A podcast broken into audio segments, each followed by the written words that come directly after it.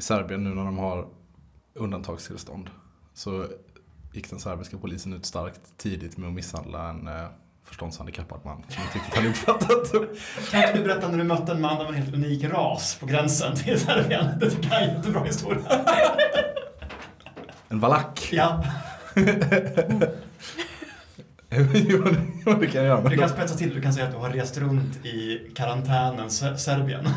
har samlat in på och där har stött på en valack. Nej,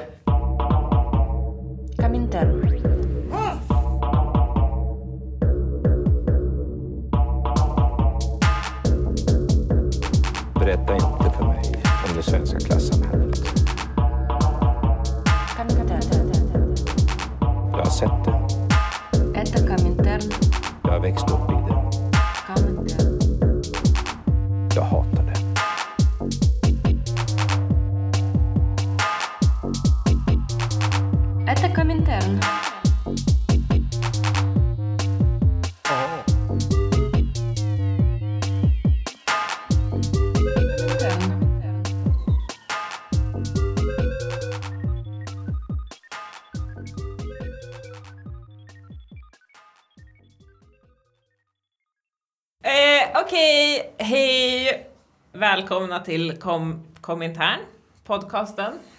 Tack så mycket. Vilka, vilka är ni? Varför är ni här? Ja, jag heter Tor. Jag, ehm, ja, det här är jag har varit med i den här podden sedan några gånger. Nej, jag heter Tor. Eh, Jag låter så här. Jag heter Andreas, jag låter så här. Jag är också med.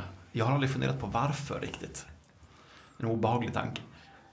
Jag heter Erik och jag, jag, jag har bara slutat tycka att det här är spännande eller kul eller pirrigt så jag anstränger mig inte ens längre. Jag, jag, jag, jag sitter i shorts, jag har en smutsig tröja på mig. Jag, jag har ingenting att bevisa längre. Och jag, jag heter Malin och jag har också bara tappat det. Ja. Förbereder mig inte, har mycket ADHD, bryr mig inte. Nej, ska jag. Ja, idag så ska ni, eh, har ni fått chansen att fråga oss exakt vad ni vill.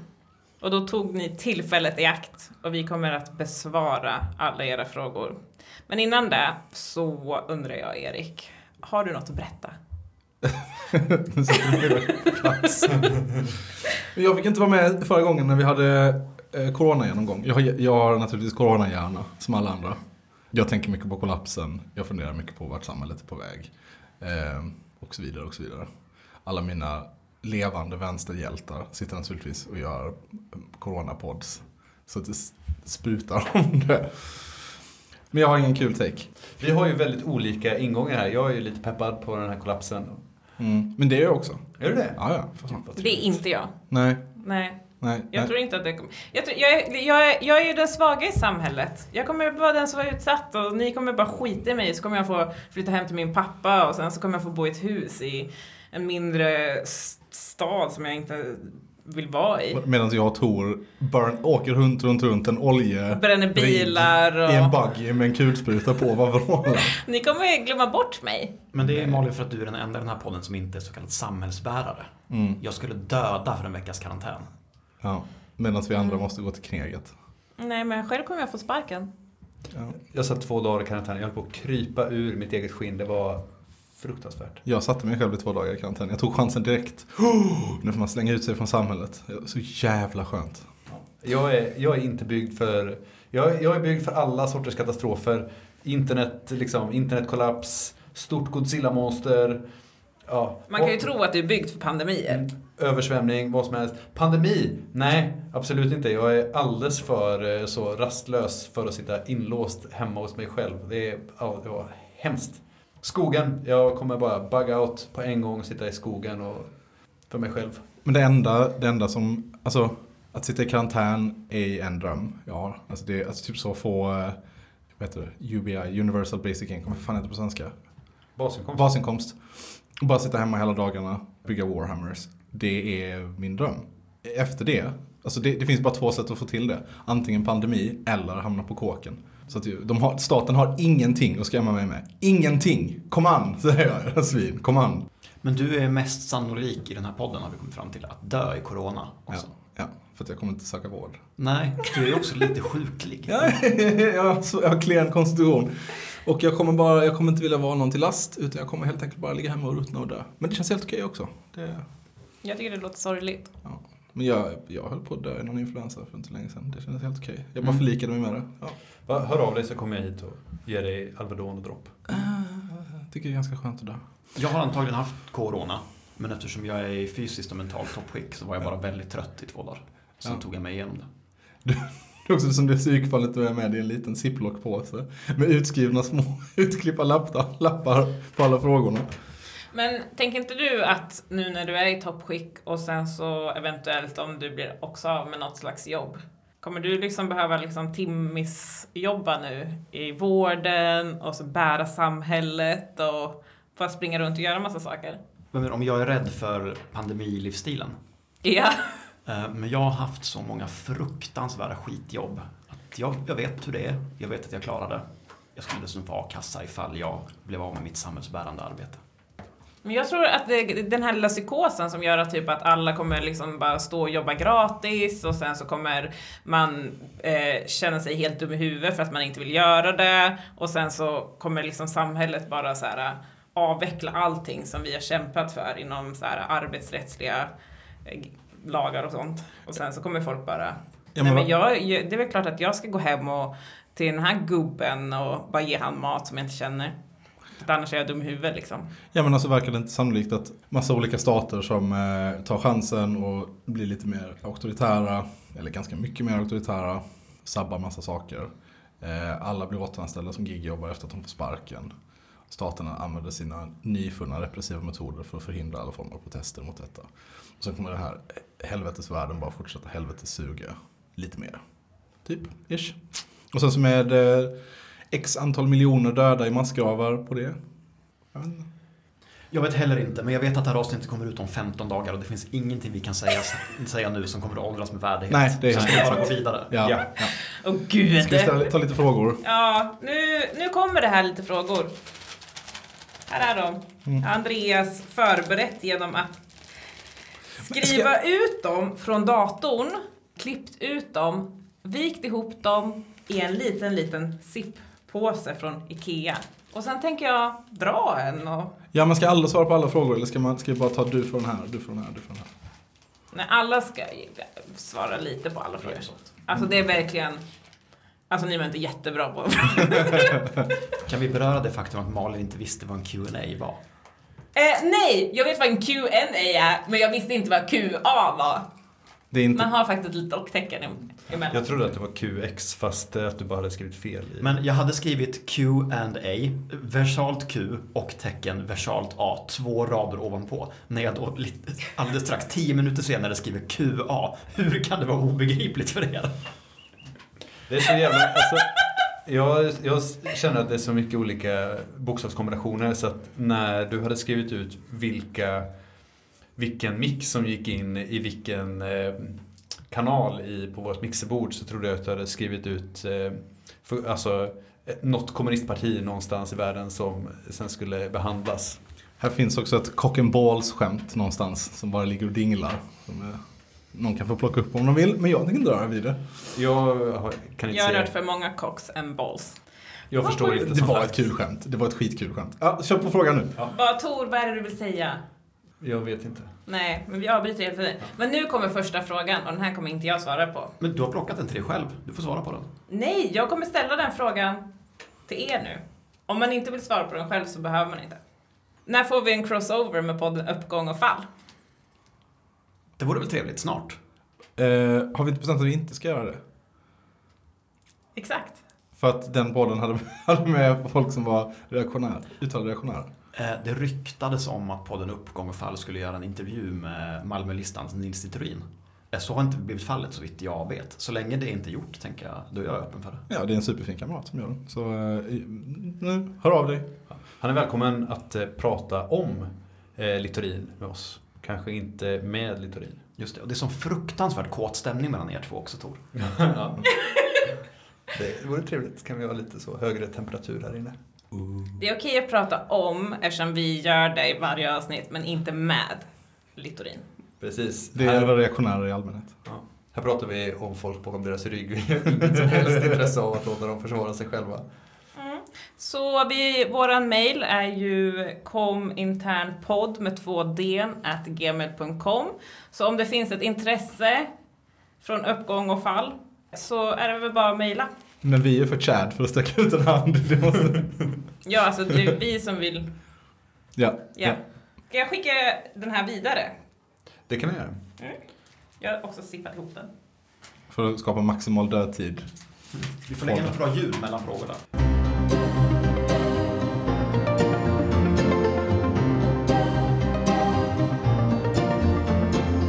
Hur ska man förhålla sig till extremiststämpeln? Jag kallar mig själv vänsterextremist ganska mycket. Ja, ja. Ja, den ska man omfamna. Men jag vet inte, eller säg, det å andra sidan tycker jag att, att mina värderingar bara är helt är sunt förnuft liksom. Man ska vara lite snäll mot varandra, man ska hjälpas åt, man ska liksom eh, ta de rikas grejer. Jag tycker inte att det är konstigt på något sätt liksom. Nej, men det är precis det som är kärnan i det. Alltså, eh, det, det går liksom inte att vara... Vi, vi vill ju ändra allt på ett helt sjukt sätt. Alltså på ett helt jävla sjukt sätt vill vi verkligen ändra allt. Inte lite grann, utan allt. Det är ju extremt. Det, är, alltså det kan man ju inte... Och också, det, vi vill ju... Jag menar, man vill ju inte ha människor som inte vill ändra exakt precis allt. Man vill inte dra till sig människor som är lite så sossar. Och då måste man ju också vara tydlig med att man är extremist. Annars. Men äh, är man inte mer radikal då? Du tänker att det är ett relativt begrepp, alltså Ja. att det är i relation till det som Ja, anses vara normalt? alltså enligt eh, Svea rikes lagar och sånt så kanske vi är extremister, men det finns väl alltid folk som är lite mer extrema. Det är ju inte som att vi är extremister. Eller Men vi är radikala. Men det är väl, eller jag menar bara, eller så här, eftersom, alltså begreppet är ju bara, jag tänker bara på det som när man blir angripen. Alltså du vet så folk beskyller en för att vara extremist. Det är ju så att man går runt och typ menar, Tor kallar sig själv för extremist. Ja, men han var väl inte helt där. Men liksom, det finns ju ingen, ingen, ingen politisk grupp som har i sin plattform så här, vi är en extrem organisation, så är det ingen Nej. som skriver. Men däremot så blir man ju eh, angripen med det, eh, med det, alltså ibland. Ja, och jag menar att det inte behöver vara ett angrepp, det är ju bara något snällt som någon säger och kallar det. Ja precis, men det är det jag menar också. Alltså det är bara omfamna, det är bara så, ja, ja, vad är, din, är det här din definition av extremism? Så absolut, då är jag extremist. Men en sån klassisk punkargrej, att någon bara kallar den för något dåligt och man direkt bara jajamän, det är jag. Ja, precis. Jag är bajspunkare. Lenin eh, sa någonting i stil med i borgarklassens gälla skri uppfattar vi bifall. Och det ligger ju någonting i det. Ja. Det andra Lenin-citatet idag. Ja, så förolämpningen är ju typ av beröm. Jag tycker inte man ska förhålla sig till det alls. Alltså man ska absolut inte gå ut i försvarsställning och säga så här. Men eh, vi vill ju bara de här goda sakerna sluta kalla oss för extremister. För att det är som du säger Erik, att det är objektivt sant att det vi vill är extremt jämfört med den politiska mitten. Precis, men den politiska mitten är ju väldigt, väldigt extrem. Alltså det finns ju en, någon sorts extrem centrism liksom. Som är, eller de är liberaler. Alltså, Man, man, kan, man, kan, man kan konceptualisera politik som kampen om att nå mitten. Alltså för att komma ur extremfållan. Vi vill ju att socialism ska vara, ex, äh, ska vara centrism. Liksom. Att det, det, är, det är grund-default-läget för de flesta människor i samhället. Eh, så på det sättet så är det ju dåligt att vara extremist. Alltså därför att det på något sätt är detsamma som en svaghetsposition. Men eftersom begreppet endast används av en liberal center Eh, just nu, så kan man, och bara som ett retoriskt grepp, så kan man lika gärna bara köra lite ljud och bara rycka på axlarna och bara säga, ja men vad, är du rädd för mig så är det ju bra. mm, jag tänker ju att eh, SD gör ju den grejen ganska frekvent. Att de försöker liksom... De blir ju också kallade för extremister hela tiden men de pratar ju om typ Vänsterpartiet och Miljöpartiet som extremvänstern. Liksom. Att de jobbar ju på, precis som vi försöker liksom få skjuta det politiska samtalet åt vänster så jobbar ju de på att försöka dra det åt höger. Nästa fråga.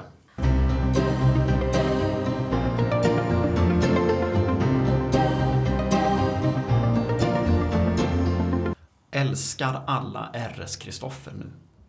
Ja! Alla andra verkar ju faktiskt göra det. Ja, han har grävt ur sin lilla skandal. Ja. Och det är hemskt. När hände det här? Det hände ju med alla demonstrationer mot marknadshyror. Hyresgästföreningen, du hatar ju Hyresgästföreningen, men det är många Ja. som älskar Hyresgästföreningen nu för tiden. Och det var väl sossarna som inte ville att... Eh, sossarna hatade Hyresgästföreningen för att RS Kristoffer var med. Ja, han har, tro- de har ju RS har trottat. Ja. Eh, klassiskt sånt. eh, En trism som vi lärde oss för några Precis. avsnitt sen, sen att det hette. Djupentrism. Har det Men är inte väldigt många människor som hatar Kristoffer också beredda att se kampen för att göra Hyresgästföreningen till en kamporganisation för klassen? Är inte de också beredda att bortse Kristoffer? Alltså att de tänker att det är en fråga som är större än honom som person. Vilket ju är rätt. Jag tror, Jag jag tror att tror det är ett dödfött projekt, men eh, gå med gud. Mm. Fast absolut, svaret på frågan är ja. Väldigt många Mm. människor älskar RS Kristoffer nu. Mm. Och det är sorgligt tycker jag.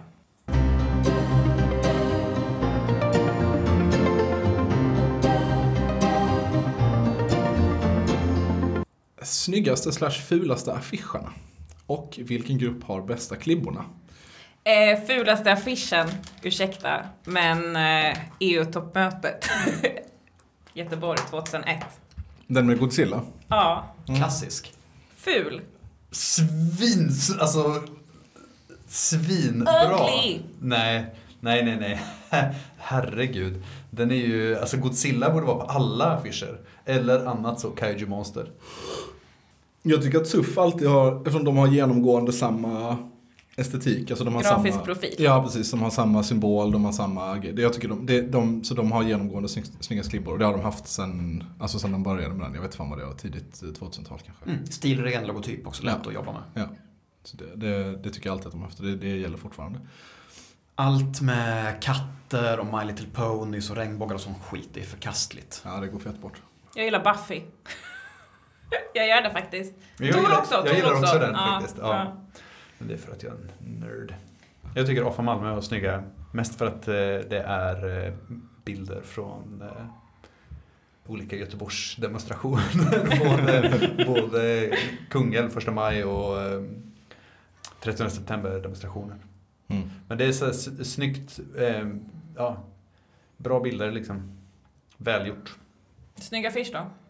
Ja, det är egentligen en intressantare fråga tycker jag, därför att klistermärken, hur förtjust man än är i dem, appellerar ju till en väldigt liten grupp människor i samhället, eller hur? Alltså de som går och stirrar på lyktstolpar.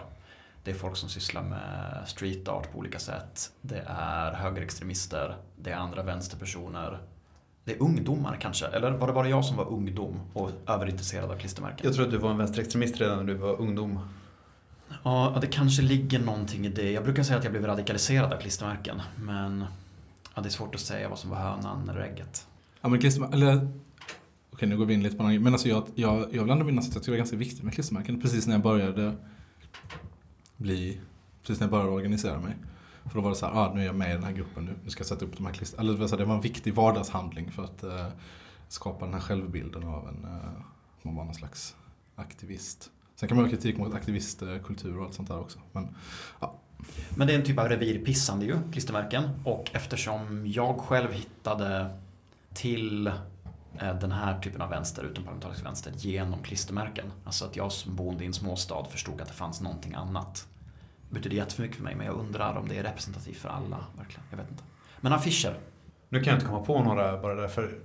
Jo, jag tyckte den, eh, det här är alldeles för nära i tid egentligen för att det ska vara representativt. Men, men eh, den hamburgaraffischen med containern tycker jag var svinsnygg. den som... eh, Om Skanse-affischen, ja den var väldigt, väldigt snygg. Annars beror det väl helt på vem man försöker tala till, antar jag. RS har ju konsekvent genomgående väldigt ful propaganda. Alltså det är väl antagligen Kristoffer som sitter och gör den i Paint. Men om man smäller upp 10 000 i sitt bostadsområde och så står det stoppa nedläggningen av vår simhall så tänker jag att det funkar ändå. Men RF däremot, de hade genomgående snygg propaganda. Eh, för att det var samma som hade ritat den här Inga jävla restauranger och eh, vad heter den andra boken? Kämpa tillsammans. Figurer utan, eh, utan eh, ansiktsdrag liksom.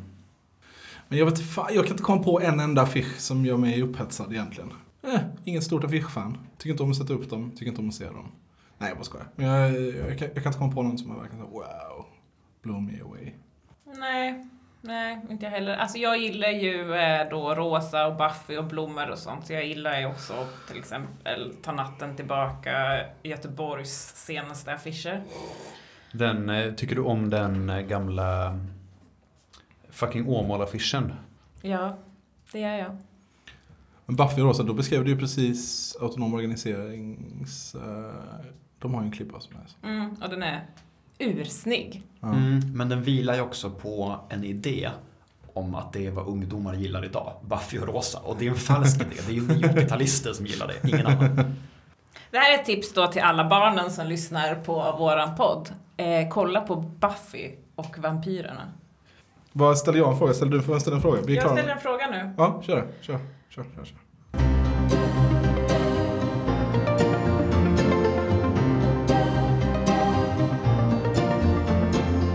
Volsel, Incel eller Pickup Artist? Marcus Malcolm och Nils Littorin. Lätt.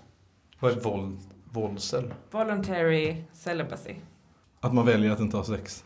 Okej. Det är Ja. där man kallar sig när man inte får ligga. Eller man är munk. Eh, Nej, men du hade ett svar. Du ja, men den är väl solklar, det finns bara ett svar. Shoot. Eh, incel, Nils Littorin. Ja. Tveklöst. Ja, ja, ja. Eh, Volsel, Malcolm. Mhm. Jag har så svårt att se att han har en sexualdrift. Mm. Alltså han håller på med klassisk marxism och manga. Ja. eh, Pickup artist, eh, den man i sällskapet med sjukast hybris, eh, Marcus Allard. Nej, det är en klockren. Det är ju, så är det ju bara. Jag håller med på alla punkter. Jag håller också med. Jag är väldigt glad att någon förklarade frågan för mig. Jag håller säkert också med. Kul att eh, du och jag Tor har spelat in ett avsnitt om det här. Men jag, men jag vet Ja, det inte. var inget som satt sig i huvudet på dig. Men de två, eh, Incel och Pickup Artist är jag ju med på vad det är för någonting. Men, eh, men jag vet ju fan inte vilka någon av de här eh, klassiska marxisterna är. Nej, Nils Littorin. Jag har ju varit på ett bröllop samtidigt som honom. Det här kan vi också klippa bort. Eh, eh, jag vill minnas För det första så höll jag ett tal och alla de här personerna skrattade jättemycket. Jag vet inte om det säger mer om mig än, än om dem. Men jag vill minnas att han hade en snygg tjej också. Eller fru. Han kanske betalar. Klipp bort, men henne som han började stalka sen efter att det tog slut. Aj, aj, aj. 100% inte klippas bort. Klipp bort. Klipp bort. Klipp bort, klipp bort, klipp bort. Lägg ut! Ja. Nu så ska vi ha en ny fråga här. Den här frågan tycker jag inte är så bra så jag tänkte ta en annan.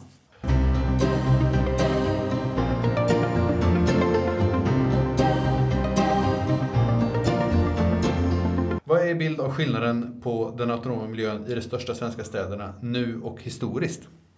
Nu, Göteborg, får det att funka.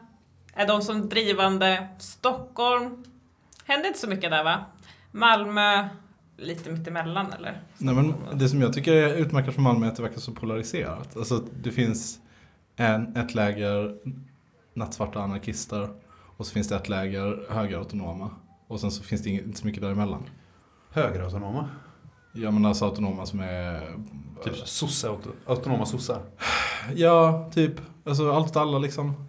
Den, den hö- högern i den autonoma rörelsen. Ja, okej. Jag trodde du menade så här, autonoma nazister. Typ. Jaha, nej. Nej, jag menar folk som är... Ja, men som man får säga är till högern. Eller till höger i, det, i den autonoma arenan. Jag skulle vilja, ett bra svar på den här, eh, eller en, en bra bakgrund för den här frågan är ju eh, Deltagänget av eh, Salka Sandén. Ja, just det. Eh, Den boken. Jag vet inte om ni har läst den? Jo.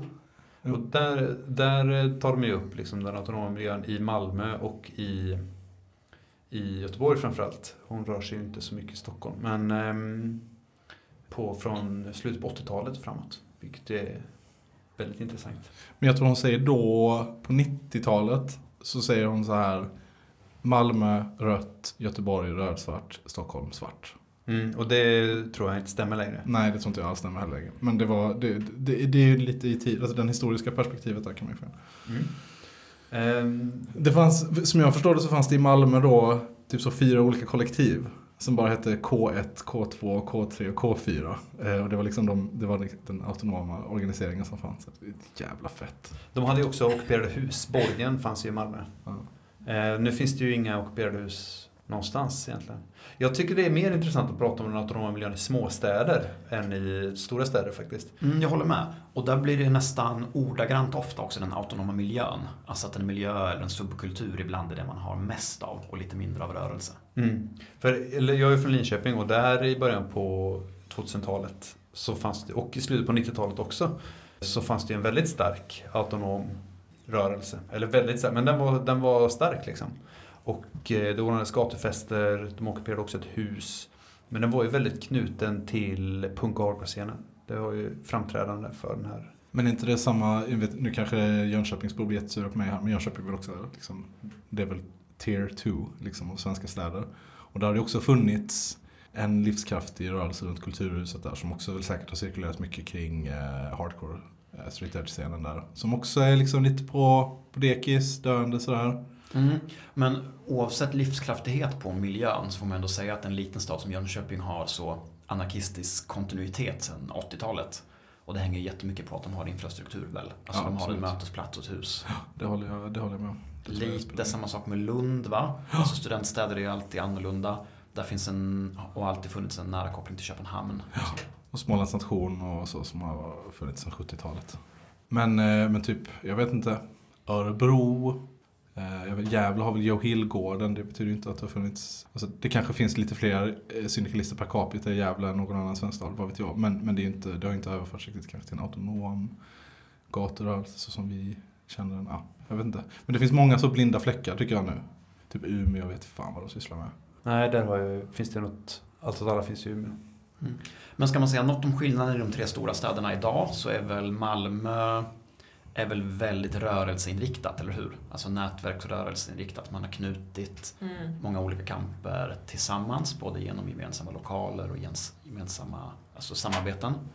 Medan eh, kan man säga att Göteborg, att det finns, eller har funnits, nej jag vet inte, jag ska inte säga. Jag tycker att det är typ som att det är eh, stabila organisationer som samarbetar med varandra här i Göteborg. Alltså SUF, Framåtkamrater, allt åt alla.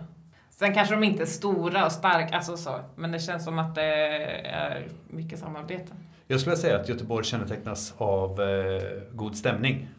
Om man jämför med andra stora städer. Det har du fan med rätt i. Det är så jävla god stämning i Göteborg för det mesta. Mm, jag tror att det har lite med lokaler att göra också.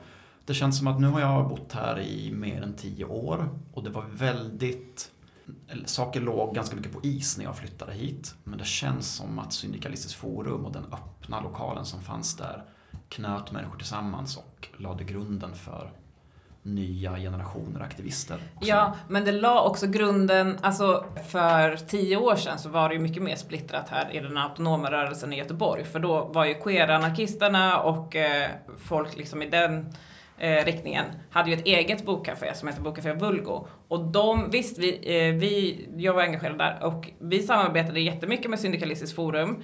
Men inte på det planet som i att vi så här, eh, organiserade saker tillsammans eller samarbetade för ett större, liksom så här, eh, inte vet jag, förändrande arbete typ. Utan vi kunde, vi hade också underjorden och kanske hade första maj-festivaler och lite sådana grejer. Och eh, jag kommer inte ihåg att det var så mycket samarbeten som i att man var i en gemensam rörelse typ.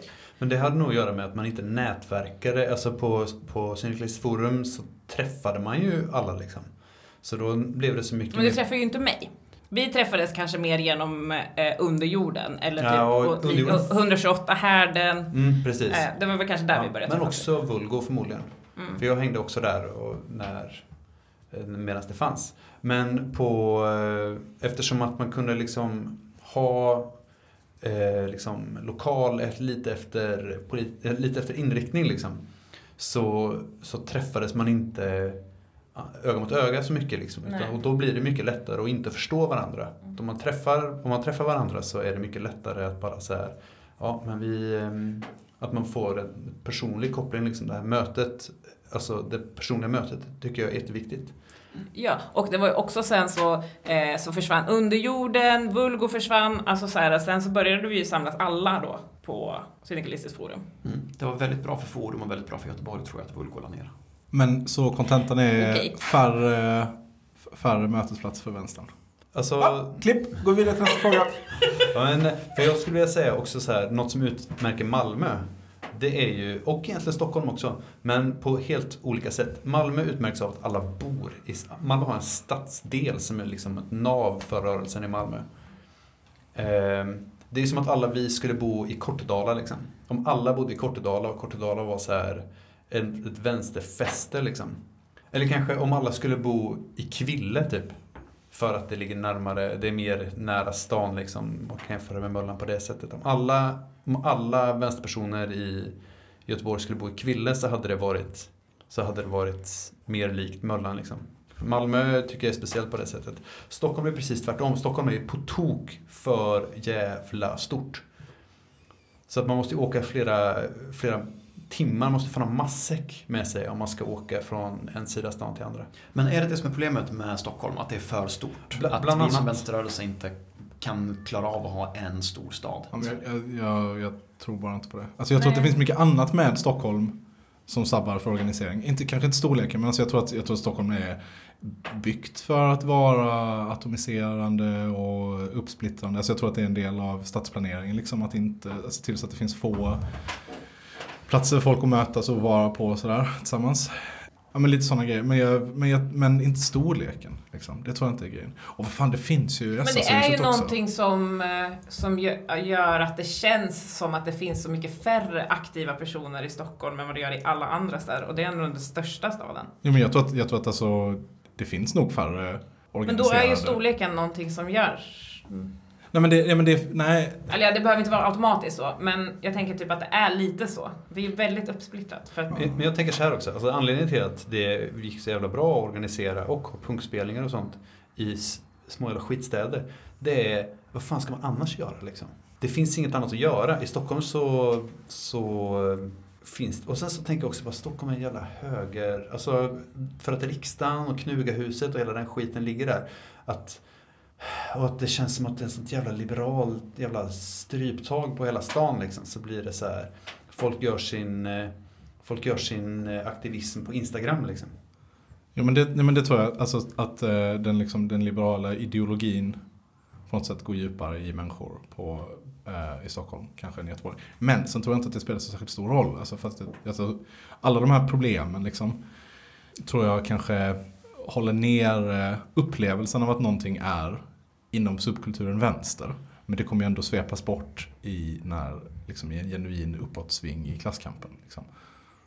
Jag tänker också på eller det här med att det finns annan sammanhållning typ i mindre städer och sånt. Och så tänker jag på eh, eh grupper i samhället som är, också är mindre, till exempel typ queerrörelsen som är väldigt liten och eh, stängd grupp. Vi har ju inte råd att bli av med varandra så vi har ju inte råd att inte samarbeta. Och så vet vi ju då att den är väldigt spretig. Bara för, bara för att man är queer så betyder det ju inte Ja, eh, det finns ju många galningar där. Men liksom så här, så att vi, även om vi nu tycker att varandra är galna och sånt, så finns det ju en annan sammanhållning där för att vi har inte råd att bli av med våra kamrater liksom, för att de, vi är så pass få. Så att det skulle vara jättekonstigt. Och jag tänker typ att det är samma sak i mindre städer. Man har liksom inte råd att så här, eh, splittra på sig så mycket för att man, vadå, man, man är inte så många. Och skulle man splittra på sig ännu mer så får man ju verkligen ingen, ingenting. Mm, absolut. En sak som jag tycker är slående är när man är i Malmö, vilket jag är ganska, ändå relativt ofta, ett par gånger om året, så träffar man kamrater där, oavsett om de är nattsvarta anarkister eller alla medlemmar eller vad de nu är. Eh, så har de en bild av Göteborg som är superintressant. Som är så, åh, ni har en så himla stor svans och miljö i Göteborg och det kommer så många när ni arrangerar saker och ni har en sån klassförankring också. Vilket ju är exakt min bild av Malmö. Jag tror att de myterna om respektive städer lever kvar. Men kan, kan inte du berätta varför du har den sidan? Jag, för att jag... Eh, Det är inte din bild av Malmö eller? alltså lite men inte helt typ. Okej, men min bild av Malmö är att miljön, om vi säger så, eller aktivisterna, eller de organiserade medlemmarna i olika yttervänsterorganisationer är rätt få. Men att det kommer skitmånga när de väl gör någonting. Så att man har en förankring i området Möllan till exempel. Som inte är lik någonting som vi har i Göteborg. Men eh, tänker du, eh, jag tänker typ att i Göteborg så rör man sig ganska mycket, eller så här, man når ut inom kretsen. Eh, man når inte ut jättemycket utanför. Och det har jag en liten bild av att Malmö gör. Har du det också? Eh, ja, ja, men sen när man kommer ner dit och talar med kamrater så säger de att det är motsatt. Men Det det var var för, spännande. Jag gillar ändå när man har en bild av någonting som man har en bild av. Myten om Malmö men jag tänker att det spelar viss roll vad man är i för, vilket arrangemang man har åkt på liksom. Om man kom hit 30 september 2017, då var det ju, då hade vi ju nått ut liksom. Då fanns det ju en, alltså så här, då var vi ju hur många som helst. sjukt brett och det var ju as-nice liksom. Men att det kanske inte är representativt för alltid. Men det är ju fint att... Eh, jag tänker också att man kan bli lite hemmablind. Att man bara säger Åh, det händer aldrig någonting, bara vi lyckas aldrig med någonting, jada jada. För att folk är liksom negativa liksom. Och då eh, kan det ibland vara lite uppfriskande att det kommer någon utifrån som har ett annat perspektiv av ens Men nu kommer jag ändå dö allihopa i corona så. Ja, dels kommer vi göra det och dels kan vi enas om att Stockholm är piss. Så. Alltså Stockholm är så jävla piss. Ska vi ta nästa fråga?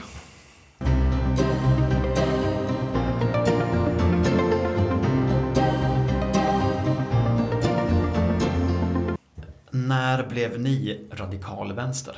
Eller radikalvänster, särskrivet, jag vet inte. I tur och ordning. Ja. Erik? Ja men det var så fort jag började tänka på politik. alltså, det låter. Men jag, jag, alltid, jag tror alltid jag kallar mig anarkist. Det var ju en kille som mutade dig med sprit, Erik. Ja, ja, det är sant. Men alltså det beror på, det beror på om man menar, if, if, frågan var inte när organiserade du det? Eh, det kommer till. Men alltså sen jag var 11, så jag började, när jag började tänka på samhället. Så. Men jag hade faktiskt en plan. Åh gud vad det här kommer säga mycket om eh, mig. Men eh, jag, när jag var, när jag var eh, 12 eller någonting så bestämde jag mig för att jag ska först ska jag eh, lösa religion, sen ska jag lösa historia, sen ska jag lösa filosofi, sen ska jag lösa politik. För att jag bestämde mig att jag skulle lägga många, många år på att studera världen innan jag skulle börja försöka förändra den. Åh, vilken präktig tolvåring. Ja, mycket präktigt. Eh, och jag följde den planen, eh, mer eller mindre. Så att, ja. Men jag vill minnas att du har sagt till mig också att du såg Göteborg 2001 på TV och tänkte Fan vad fett, Ja. jag ska bli en av dem. Ja, ja, ja. När jag såg, eh, jag, jag kommer ihåg, jag kommer ihåg också, det är också ett, ett mina, första gången jag var i Göteborg. Så gick jag på, i Nordstan med en liten pojke. Och så skulle jag gå och köpa Warhammers. Enormt tjocka glasögon. Mycket choklad. Jag var Lätt astmatisk. tjock överhuvudtaget. Rund liten pojke var jag, trinn liten pojke. Och sen så, så har jag sånt starkt minne att det bara svepte förbi en, en eh, Eh, det var som en Nazgul, liksom en helt svart skepnad. Och så var det någon som hade svarta combatbyxor, svarta tiohålskängor, svart hoodie, svart ryggsäck, alltså huvan uppe och så var det bara ett rött anarkistdag på ryggsäcken. Och så var jag så, fan vad fett! Och, ja, och sen så såg jag bilderna på eh, eh, från 2001 och så var jag så det här, det här är de coola, de har rätt. Liksom. Så kan, kanske man kan säga att eh, Göteborgskravallerna radikaliserade mig, kanske. Men jag tror, jag tror jag visste det innan. Liksom. Fick bara någonting bekräftat då. Jag tror att jag blev radikaliserad när jag förstod att jag var en kvinna i samhället. Och det kanske jag förstod typ i högstadiet. Alltså då blev jag kanske radikaliserad men sen blev jag också ganska sossig ett tag och sen eh, blev jag kanske mer radikal vänster när jag började liksom ifrågasätta, eller så här, när jag bara helt enkelt inte förstod det här samhället som jag levde i typ. Och började fråga varför ser det ut så här? Och då, då tror jag att jag blev mer så här radikal vänster och sen så har jag ju bara organiserat mig i tusen år sedan dess. Men, eh, mm, Vem frågade du? Vem gav dig alla rätta svaren? Andreas, eh, det var du. Nej, men, Äsch! Andreas tog mig faktiskt ur min paus i alla fall. Men eh, jag, jag tror att så, här, jag hade ju en bild av, jag kommer från en, inte en jätteliten stad, men eh, mindre radikal stad än vad Göteborg är. Och i Göteborg så var ju queerrörelsen, den är det också till viss del fortfarande, den bara glänste och sen så såg jag på vid, eh, vid ena kanten som tittade jag på de här vackra färgglada varelserna och tänkte här, ja men ditåt vill ju jag också liksom för de är ju liksom det var ju lite mer jag. Och sen så när jag lyckades hamna i närheten och sen så ta mig in i den här lilla kretsen och sen så var- bli en del av den, då tror jag att det var någonting som, ja, som, som formade mig.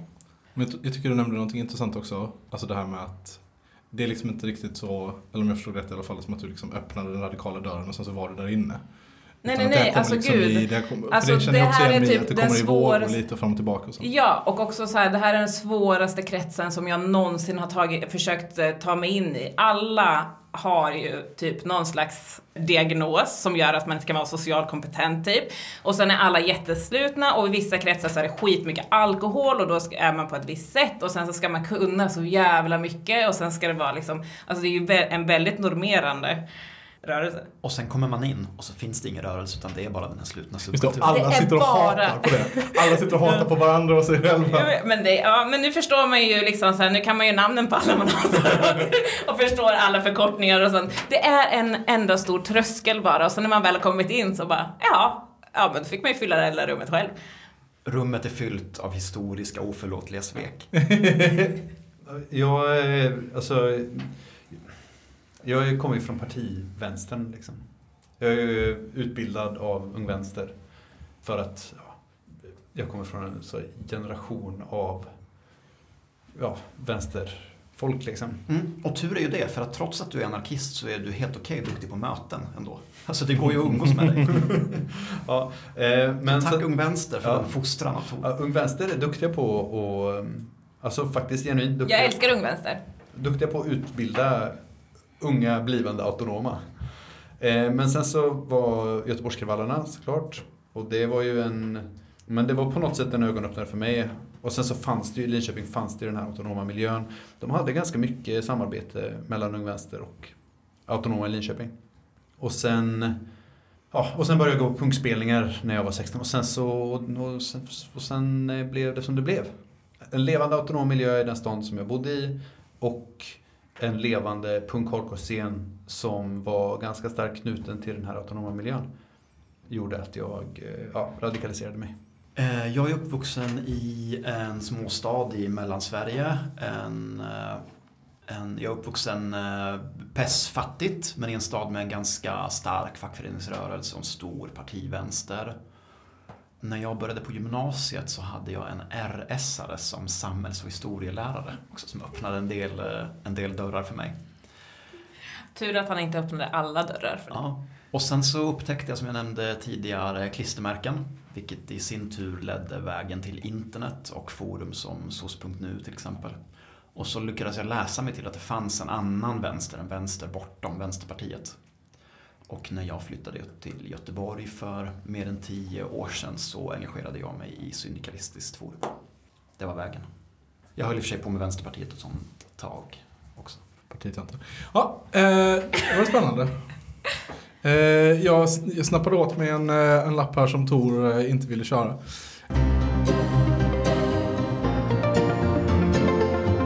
Eh, vems fel var det att stalinisterna begick för, förräderi mot vänstern i Katalonien och därmed orsakade kontrarevolutionens seger i inbördeskriget? Lite tendentiös fråga va? Det var stalinisternas fel.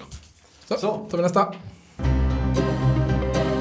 Vem av er har mest problematisk humor? Mm, det är du Malin. Ja, utan tvekan. Nästa.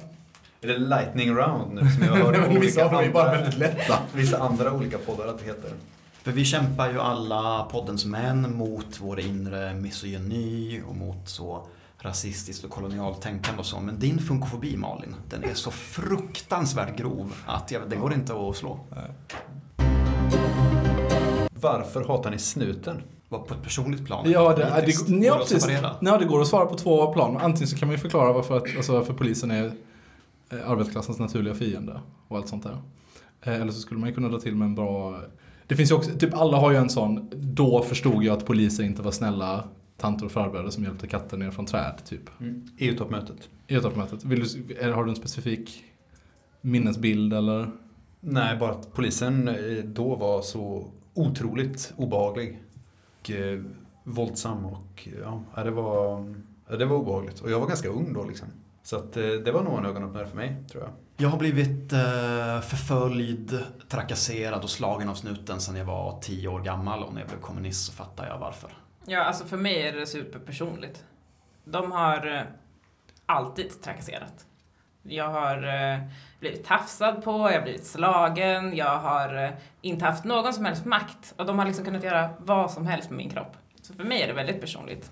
Nej, jag sätter inte dem emot, absolut inte sätter, sätter jag inte dem emot varandra. Jag tänker bara att det är två olika sätt man kan absolut. svara på Ja, frågan. absolut. Liksom. Ja, för att det är ju naturligtvis så att det ena ger ju Men jag tänker att typ den strukturella kunskapen om varför det är så har vi gemensam. Men sen så har vi också andra saker som är inte gemensamma. Mm. Men steget till snuthat är nog närmare om man har fått, eh, alltså om man har fått det bankat i sig, tänker jag. Ja, men jag skulle vilja påstå att mitt polishat är, är ren, en stråle ren energi tagen från den marxistiska källan. Jag har, inga, jag har ingenting emot personliga eller individuella poliser. Jag har bara trevliga erfarenheter av konstaplar. Jag önskar. Varför Det har du det det? Alltså, du och jag har blivit eh, gripna tillsammans så många gånger och jag har alltid haft det så pissigt och så kommer du, du blir utsläppt efter en, efter en kvart och någon typ skakar din hand och jag får dansa runt naken i olika små, små rum framför jättemycket personer och de bara böj dig dit och böj dig hit och du bara åh varför tog det så lång tid för dig att komma ut? Men det här handlar om eh, Eriks tvivelaktiga klassbakgrund och ingenting annat. Det är, säkert en stor, stor del av det. Eh, sist jag blev eh, nedbrottad av en polis så sa han efteråt, eh, du tack för ett gott bemötande. Klappade mig på axeln. ja. Vem är mest ML? mm, det är du. Det är jag. Ja. Ja det är Andreas. Det är också väldigt lätt. Det är 100% Andreas. Jag höll på att säga att det är jag. Wildcard! Lägga in som en liten, Trodde ni inte va? ja, en liten tokrolighet sådär. Okej, Alla håller med om det tror jag, förutom ML-arna som kallar mig för anarkist. Ja, Men då ja. brukar jag kontra med den här skrivelsen från Kominterns riktlinjer 1921. Det existerar ingen absolut riktig och oföränderlig organisationsform för de kommunistiska partierna. Förutsättningarna för proletariatets klasskamp är underkastat förändringar i en ständig förvandlingsprocess. Och i anslutning till dessa förändringar bör också organisationen för proletariatets avantgard oavbrutet söka ändamålsenliga former. Ja. Aha!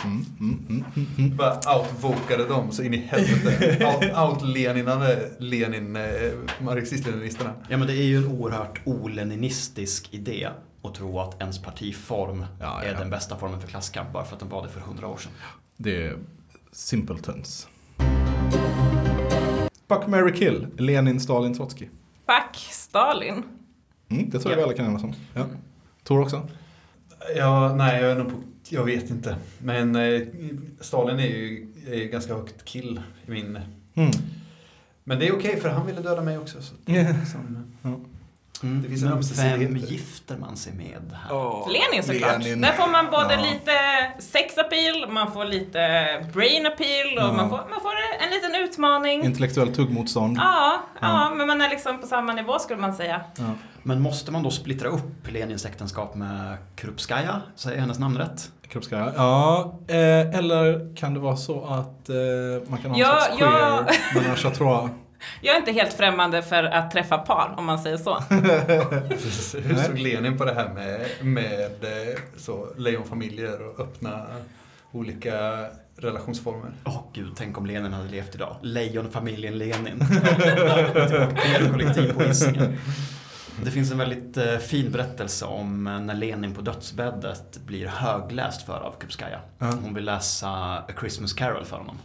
Men med ett av sina sista andetag så väser Lenin att det här är småborgerlig nostalgi. Jag vill inte höra mer. Fan vad fint. De träffas också på en studiecirkel. Eh, Så de, liksom, eh, de dras till varandra för att båda har sån vass Marx-analys. Är det därför ni går på så jävla mycket studiecirklar? Men så vi enades om att döda Trotskij, once again. Once again. Han har ett sånt ansikte bara. Alltså jag är inte alls säker på det. Jag kanske behöver, om jag, jag kanske behöver ligga med Trotskij bara för att få döda Stalin. Okej, Just det. nästa fråga. Topp fem demo-moments ni kan snacka om. Mm, den är svår. Då får man nästan lista bra och dåliga, eller hur? Mm. Vilka är era bästa demoögonblick? Ett eh, som jag kommer ihåg extra mycket var när jag och en väninna eh, som jag inte hade träffat på ett tag stod eh, vid Kungsportsplatsen och jag tror Jimmy Åkesson var där. Och sen så har vi inte träffats på ett tag så vi börjar prata, märker inte att alla har backat och att vi helt plötsligt står längst fram med alla vindjackebeklädda små ungdomar. Och då helt plötsligt så fick vi bara, jaha, ja här stå, fick vi stå. Sen så hade de ju släppt in Romeo, vi blir slagna, vi blir puttade på, ramlar inte första gången så då slår de en lite hårdare, till exempel på strupen, då ramlar man. Jag ramlar ihop med min kompis ner i en hög av hästbajs. Och sen så låg vi där Det här var den bra berättelsen. Det här var den bra det upplevelsen. här är den bra berättelsen.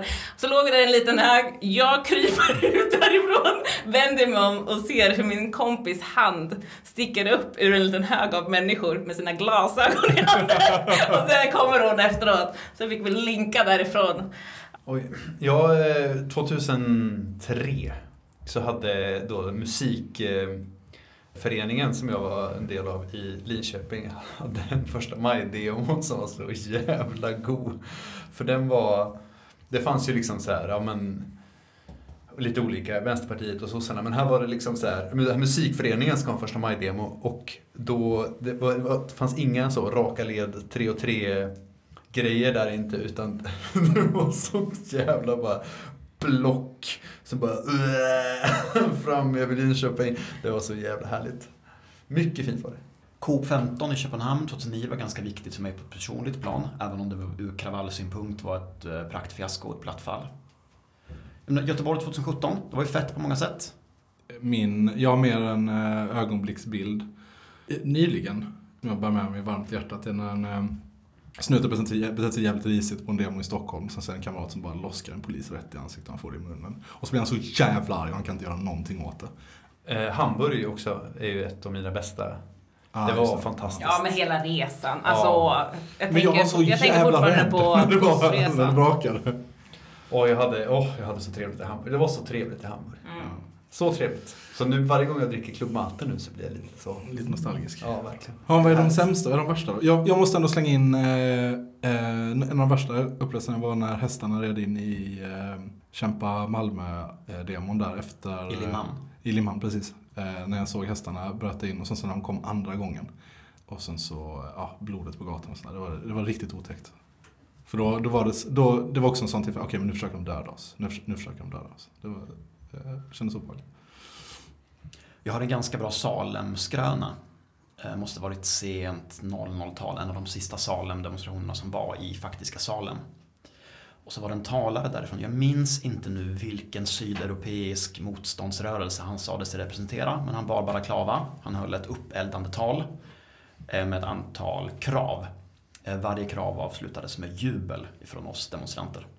Tills han avslutade med And Sweden must get out of Sameland. Så var det knäpptyst. Jag var också en, eh, jag var också på en sån liten, jag vet fan det var en jävla manifestation med 25 pers eller någonting så regnpiskat hösttorg. Och så är det en uppeldad italiensk utbytesstudent som håller tal. Och sen, och sen så hans, hans slutkläm är Our greatest enemy is the democratic state! Och sen så är det bara så försynt. Som språkförbistring liksom. Ja, han har ju rätt i sak. Men, En del av oss var ju på SDs landsmöte i Lund för några år sedan också. Det var hemskt. ja, det var riktigt risigt. Det var bara stryk. Ett lång jävla promenad. Mm. Ett Ja, men vi kort- hade en samling i centrala Lund och redan där fattar man så, ah, ja det här kommer inte att gå. Nej. Och sen är det ändå en timme promenad i Ja. regn för att komma ut till det hotellet där SD har sina landsdagar. tre sekunder av våld från polisen. Ja, ja, för skådespelet måste ju fortgå. Vi måste ju fortfarande ändå göra en rusning in i... In i ett total, och sen så ty- en timmes promenad. När jag tog av mig huvan så bara rann det blod ut i den. Liksom. Så jag hade fått en tele rätt i pallet. Det var, mm, ja. Okej, men en demo där vi har vunnit då? Ja, men 2017, Göteborg. 2017 13 stämmer. Göteborg. 2019, Kungälv. Ja, förvisso. Ja. Men Göteborg var för mig personligen, det var motsatt K15, det var en personlig pers. Ja. Men politiskt jättebra ju. Ja, just det. Ja. Eh, nej, men man har väl vunnit någonting mer, eller? Ja, vi stängde ner hamnen i Hamburg. Ja, Det var, det var fantastiskt. Jag har ett tidigt demo-minne, jag vet inte om det kvalificeras som demo riktigt, men ett tidigt Antifa-minne är när dåvarande SMR, alltså Svenska motståndsrörelsen, höll ett oannonserat torgmöte i Eskilstuna. Vi var ett gäng Ung Vänstrare som var snabbt på plats och sen plötsligt från ingenstans så dyker det upp 30 pers som kommer ut ur en källare där. Som är då Eskilstuna boxningsklubb som har avslutat sitt pass för dagen precis. Och de får syn på den här gruppen 10 SMR-are vilka snabbt backar upp för en trapp så att de står med ryggen mot en vägg. Och man inser att precis nu när som helst så kommer hela Mellansveriges SMR att förvandlas till en blodpöl på Fristadstorget i Eskilstuna. Ja, vackert. Om det inte hade varit för att vänsterpartisten dök upp. Vänsterpartist som senare gjorde sig känd för att skriva en bok om att Sverigedemokrater stavade dåligt på internet. Eh, Sen blev han socialdemokrat och karriärist av olika slag. Men han gjorde då polisens jobb. Han ställde sig emellan, manade ungdomarna till lugn i väntan på att Vilken eh, de riktiga poliserna skulle komma. Ja, det var en sån... eh, Fy fan. Första gången jag fick se den typen av medlöperi, tror jag. Ja. Nästa fråga. Topp fem demo moments ni inte kan prata om. Ja, det är ju intressant. Jag vet inte hur vi ska lägga upp det här. Har inte du en bra om någon slags porrbutiksblockad? Jo, jo, jo, jo, vänta nu här. Menar du Jönköping? Eh, Ja, Eller det är väl preskriberat. Den borde du kunna... Ja, ja, för det är nog ingen, det kan nog, eh, ja, det var eh, någon slags politisk konferens i Jönköping, jag kommer fan inte ihåg vad det handlade om.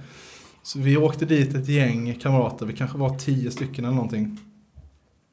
Kom i två bilar. Och, när vi, och det är januari eller februari, det är snöblandat regn, det är kallt som fan. Och när vi kommer till Kulturhuset i Jönköping så säger de att eh, en grupp, jag vet inte fan om det var eh, Feministiskt initiativs ungdomsförbund. Unga feminister. Unga feminister, precis. De, de, det, ska, det ska öppna en strippklubb i Huskvarna. Som ligger, som är, ligger precis kloss i kloss med Jönköping. De, har, de är där och har en blockad, de vill gärna att lite fler folk åker dit. Så, så alla vi, vi fyller våra två bilar och åker ut dit. Mm, ni med självbild råskinn, antar jag också. Eh, blandat, men ja visst absolut. Det är några av oss som, som säkert skulle vilja räkna sig som råskinn. Eh, parkeringsplats, Huskvarna, januari, januari någon gång, 10 på kvällen, 11 på kvällen. Det är, det är helt jävla öde. Det, finns ing, det är ingen där. Det står fem stycken av de här unga feministerna och, del, och med liksom varsitt flygblad. Det är en helt anonym så här, kontorsbyggnad eller någonting som de står utanför. Vi går dit, säger tjena tjena, hur är läget? Eh, De bara, ja ah, jo det är ju kallt och det kommer ingen. Och sen kommer det ut någon sån full gubbe, liksom så här 50-årsåldern, eh, beige, blotta rock och är lite så, "Mm", och sen så går han in igen efter ett tag. Eh, och vi börjar väl precis fundera på om det kanske är dags att åka hem och då sladdar det upp en sån här väldigt liten typ gul Nissan Micro, eller men du vet, en liten bil. Och så kommer det ut fyra väldigt stora män ur den bilen. Som är så jävla höga på amfetamin. Och en av dem har liksom en platta Power King. Eh, och de, de tror först, för att de är så fucked up, liksom, att, att det, här är, det, här är, det här är liksom, alla de här människorna som står utanför, de är liksom där och firar den här nya porrklubben liksom. Så de bara wow, tjena! Och sen typ så klickar, du vet så folk ser lite fel ut, eller så, här, så då börjar de tjafsa. Du vet så, det börjar tjafsas lite fram och tillbaka. Och sen så går det, det är inte många meningar, sen börjar liksom knytnävarna flyga. Och eh, de eh, går inte ner, alltså. De går inte ner. Vi är kanske 15 och de är 4 och det är, det är ganska jämnt. alltså det, är nog ganska mycket så. De plockar en kamrat och så tar honom i, eh, i kragen och så säger den, den största, den mest bestialiska av dem tar en ordentlig tugga av hans kind, alltså stor som en, en femkrona och bara sliter Åh gud! sväljer den, bump. Eh, sen så, men sen så lyckas vi liksom mota in dem till slut in i lokalen liksom. Och sen så tar vi och springer till våra bilar och åker därifrån fort som fan. Eh, ögonblicksbild. Svenska mörk, Smålands mörka skogar. Så kan det gå till på landsbygden, tydligen. Och det var alla frågor, hörni. Mm. Tack så hemskt mycket alla ni som skickade in frågor. Mm. Det här får vi göra om. Det ja. var kul. Yes. Och eh, till nästa gång så har vi ett riktigt avsnitt igen. Ja, det här var ju ett riktigt avsnitt ja, tycker jag. Okay, alltså, det var så jävla riktigt avsnitt. Men mer på tema. Avsnitt mer på tema. Vi är eh, podcasten Komintern. Man kan mejla oss på kominternpodd.gmail.com. Podd stavas med två D. Eh, man kan hitta oss på Instagram, på Facebook, man kan dela, man kan kommentera och man kan göra allt man vill med våran podd. Eh, vi vill också tacka GRK som har gjort våran vignett, heter det så? Mm. Jingel, intro. Vi vill tacka vår studio som vi har byggt själva. Studio Sörmland, som den heter. Nej, det gör ni inte. Den blev döpt i förra avsnittet. Nej, det blev den inte. Det, det är jag som betalar hyran för den här studion, så det gör den då alltså inte. Vad heter den då? Ja, det får vi, det får vi se. Finns det något sånt Warhammer-namn som du vill döpa den här studion till? Studio Bolt Thrower. Det var allt. Tack för Mm, oss. tack Hej då från oss. Studio Sörmland. Hej då från gött. Studio Bolt Thrower. Hej. Hej!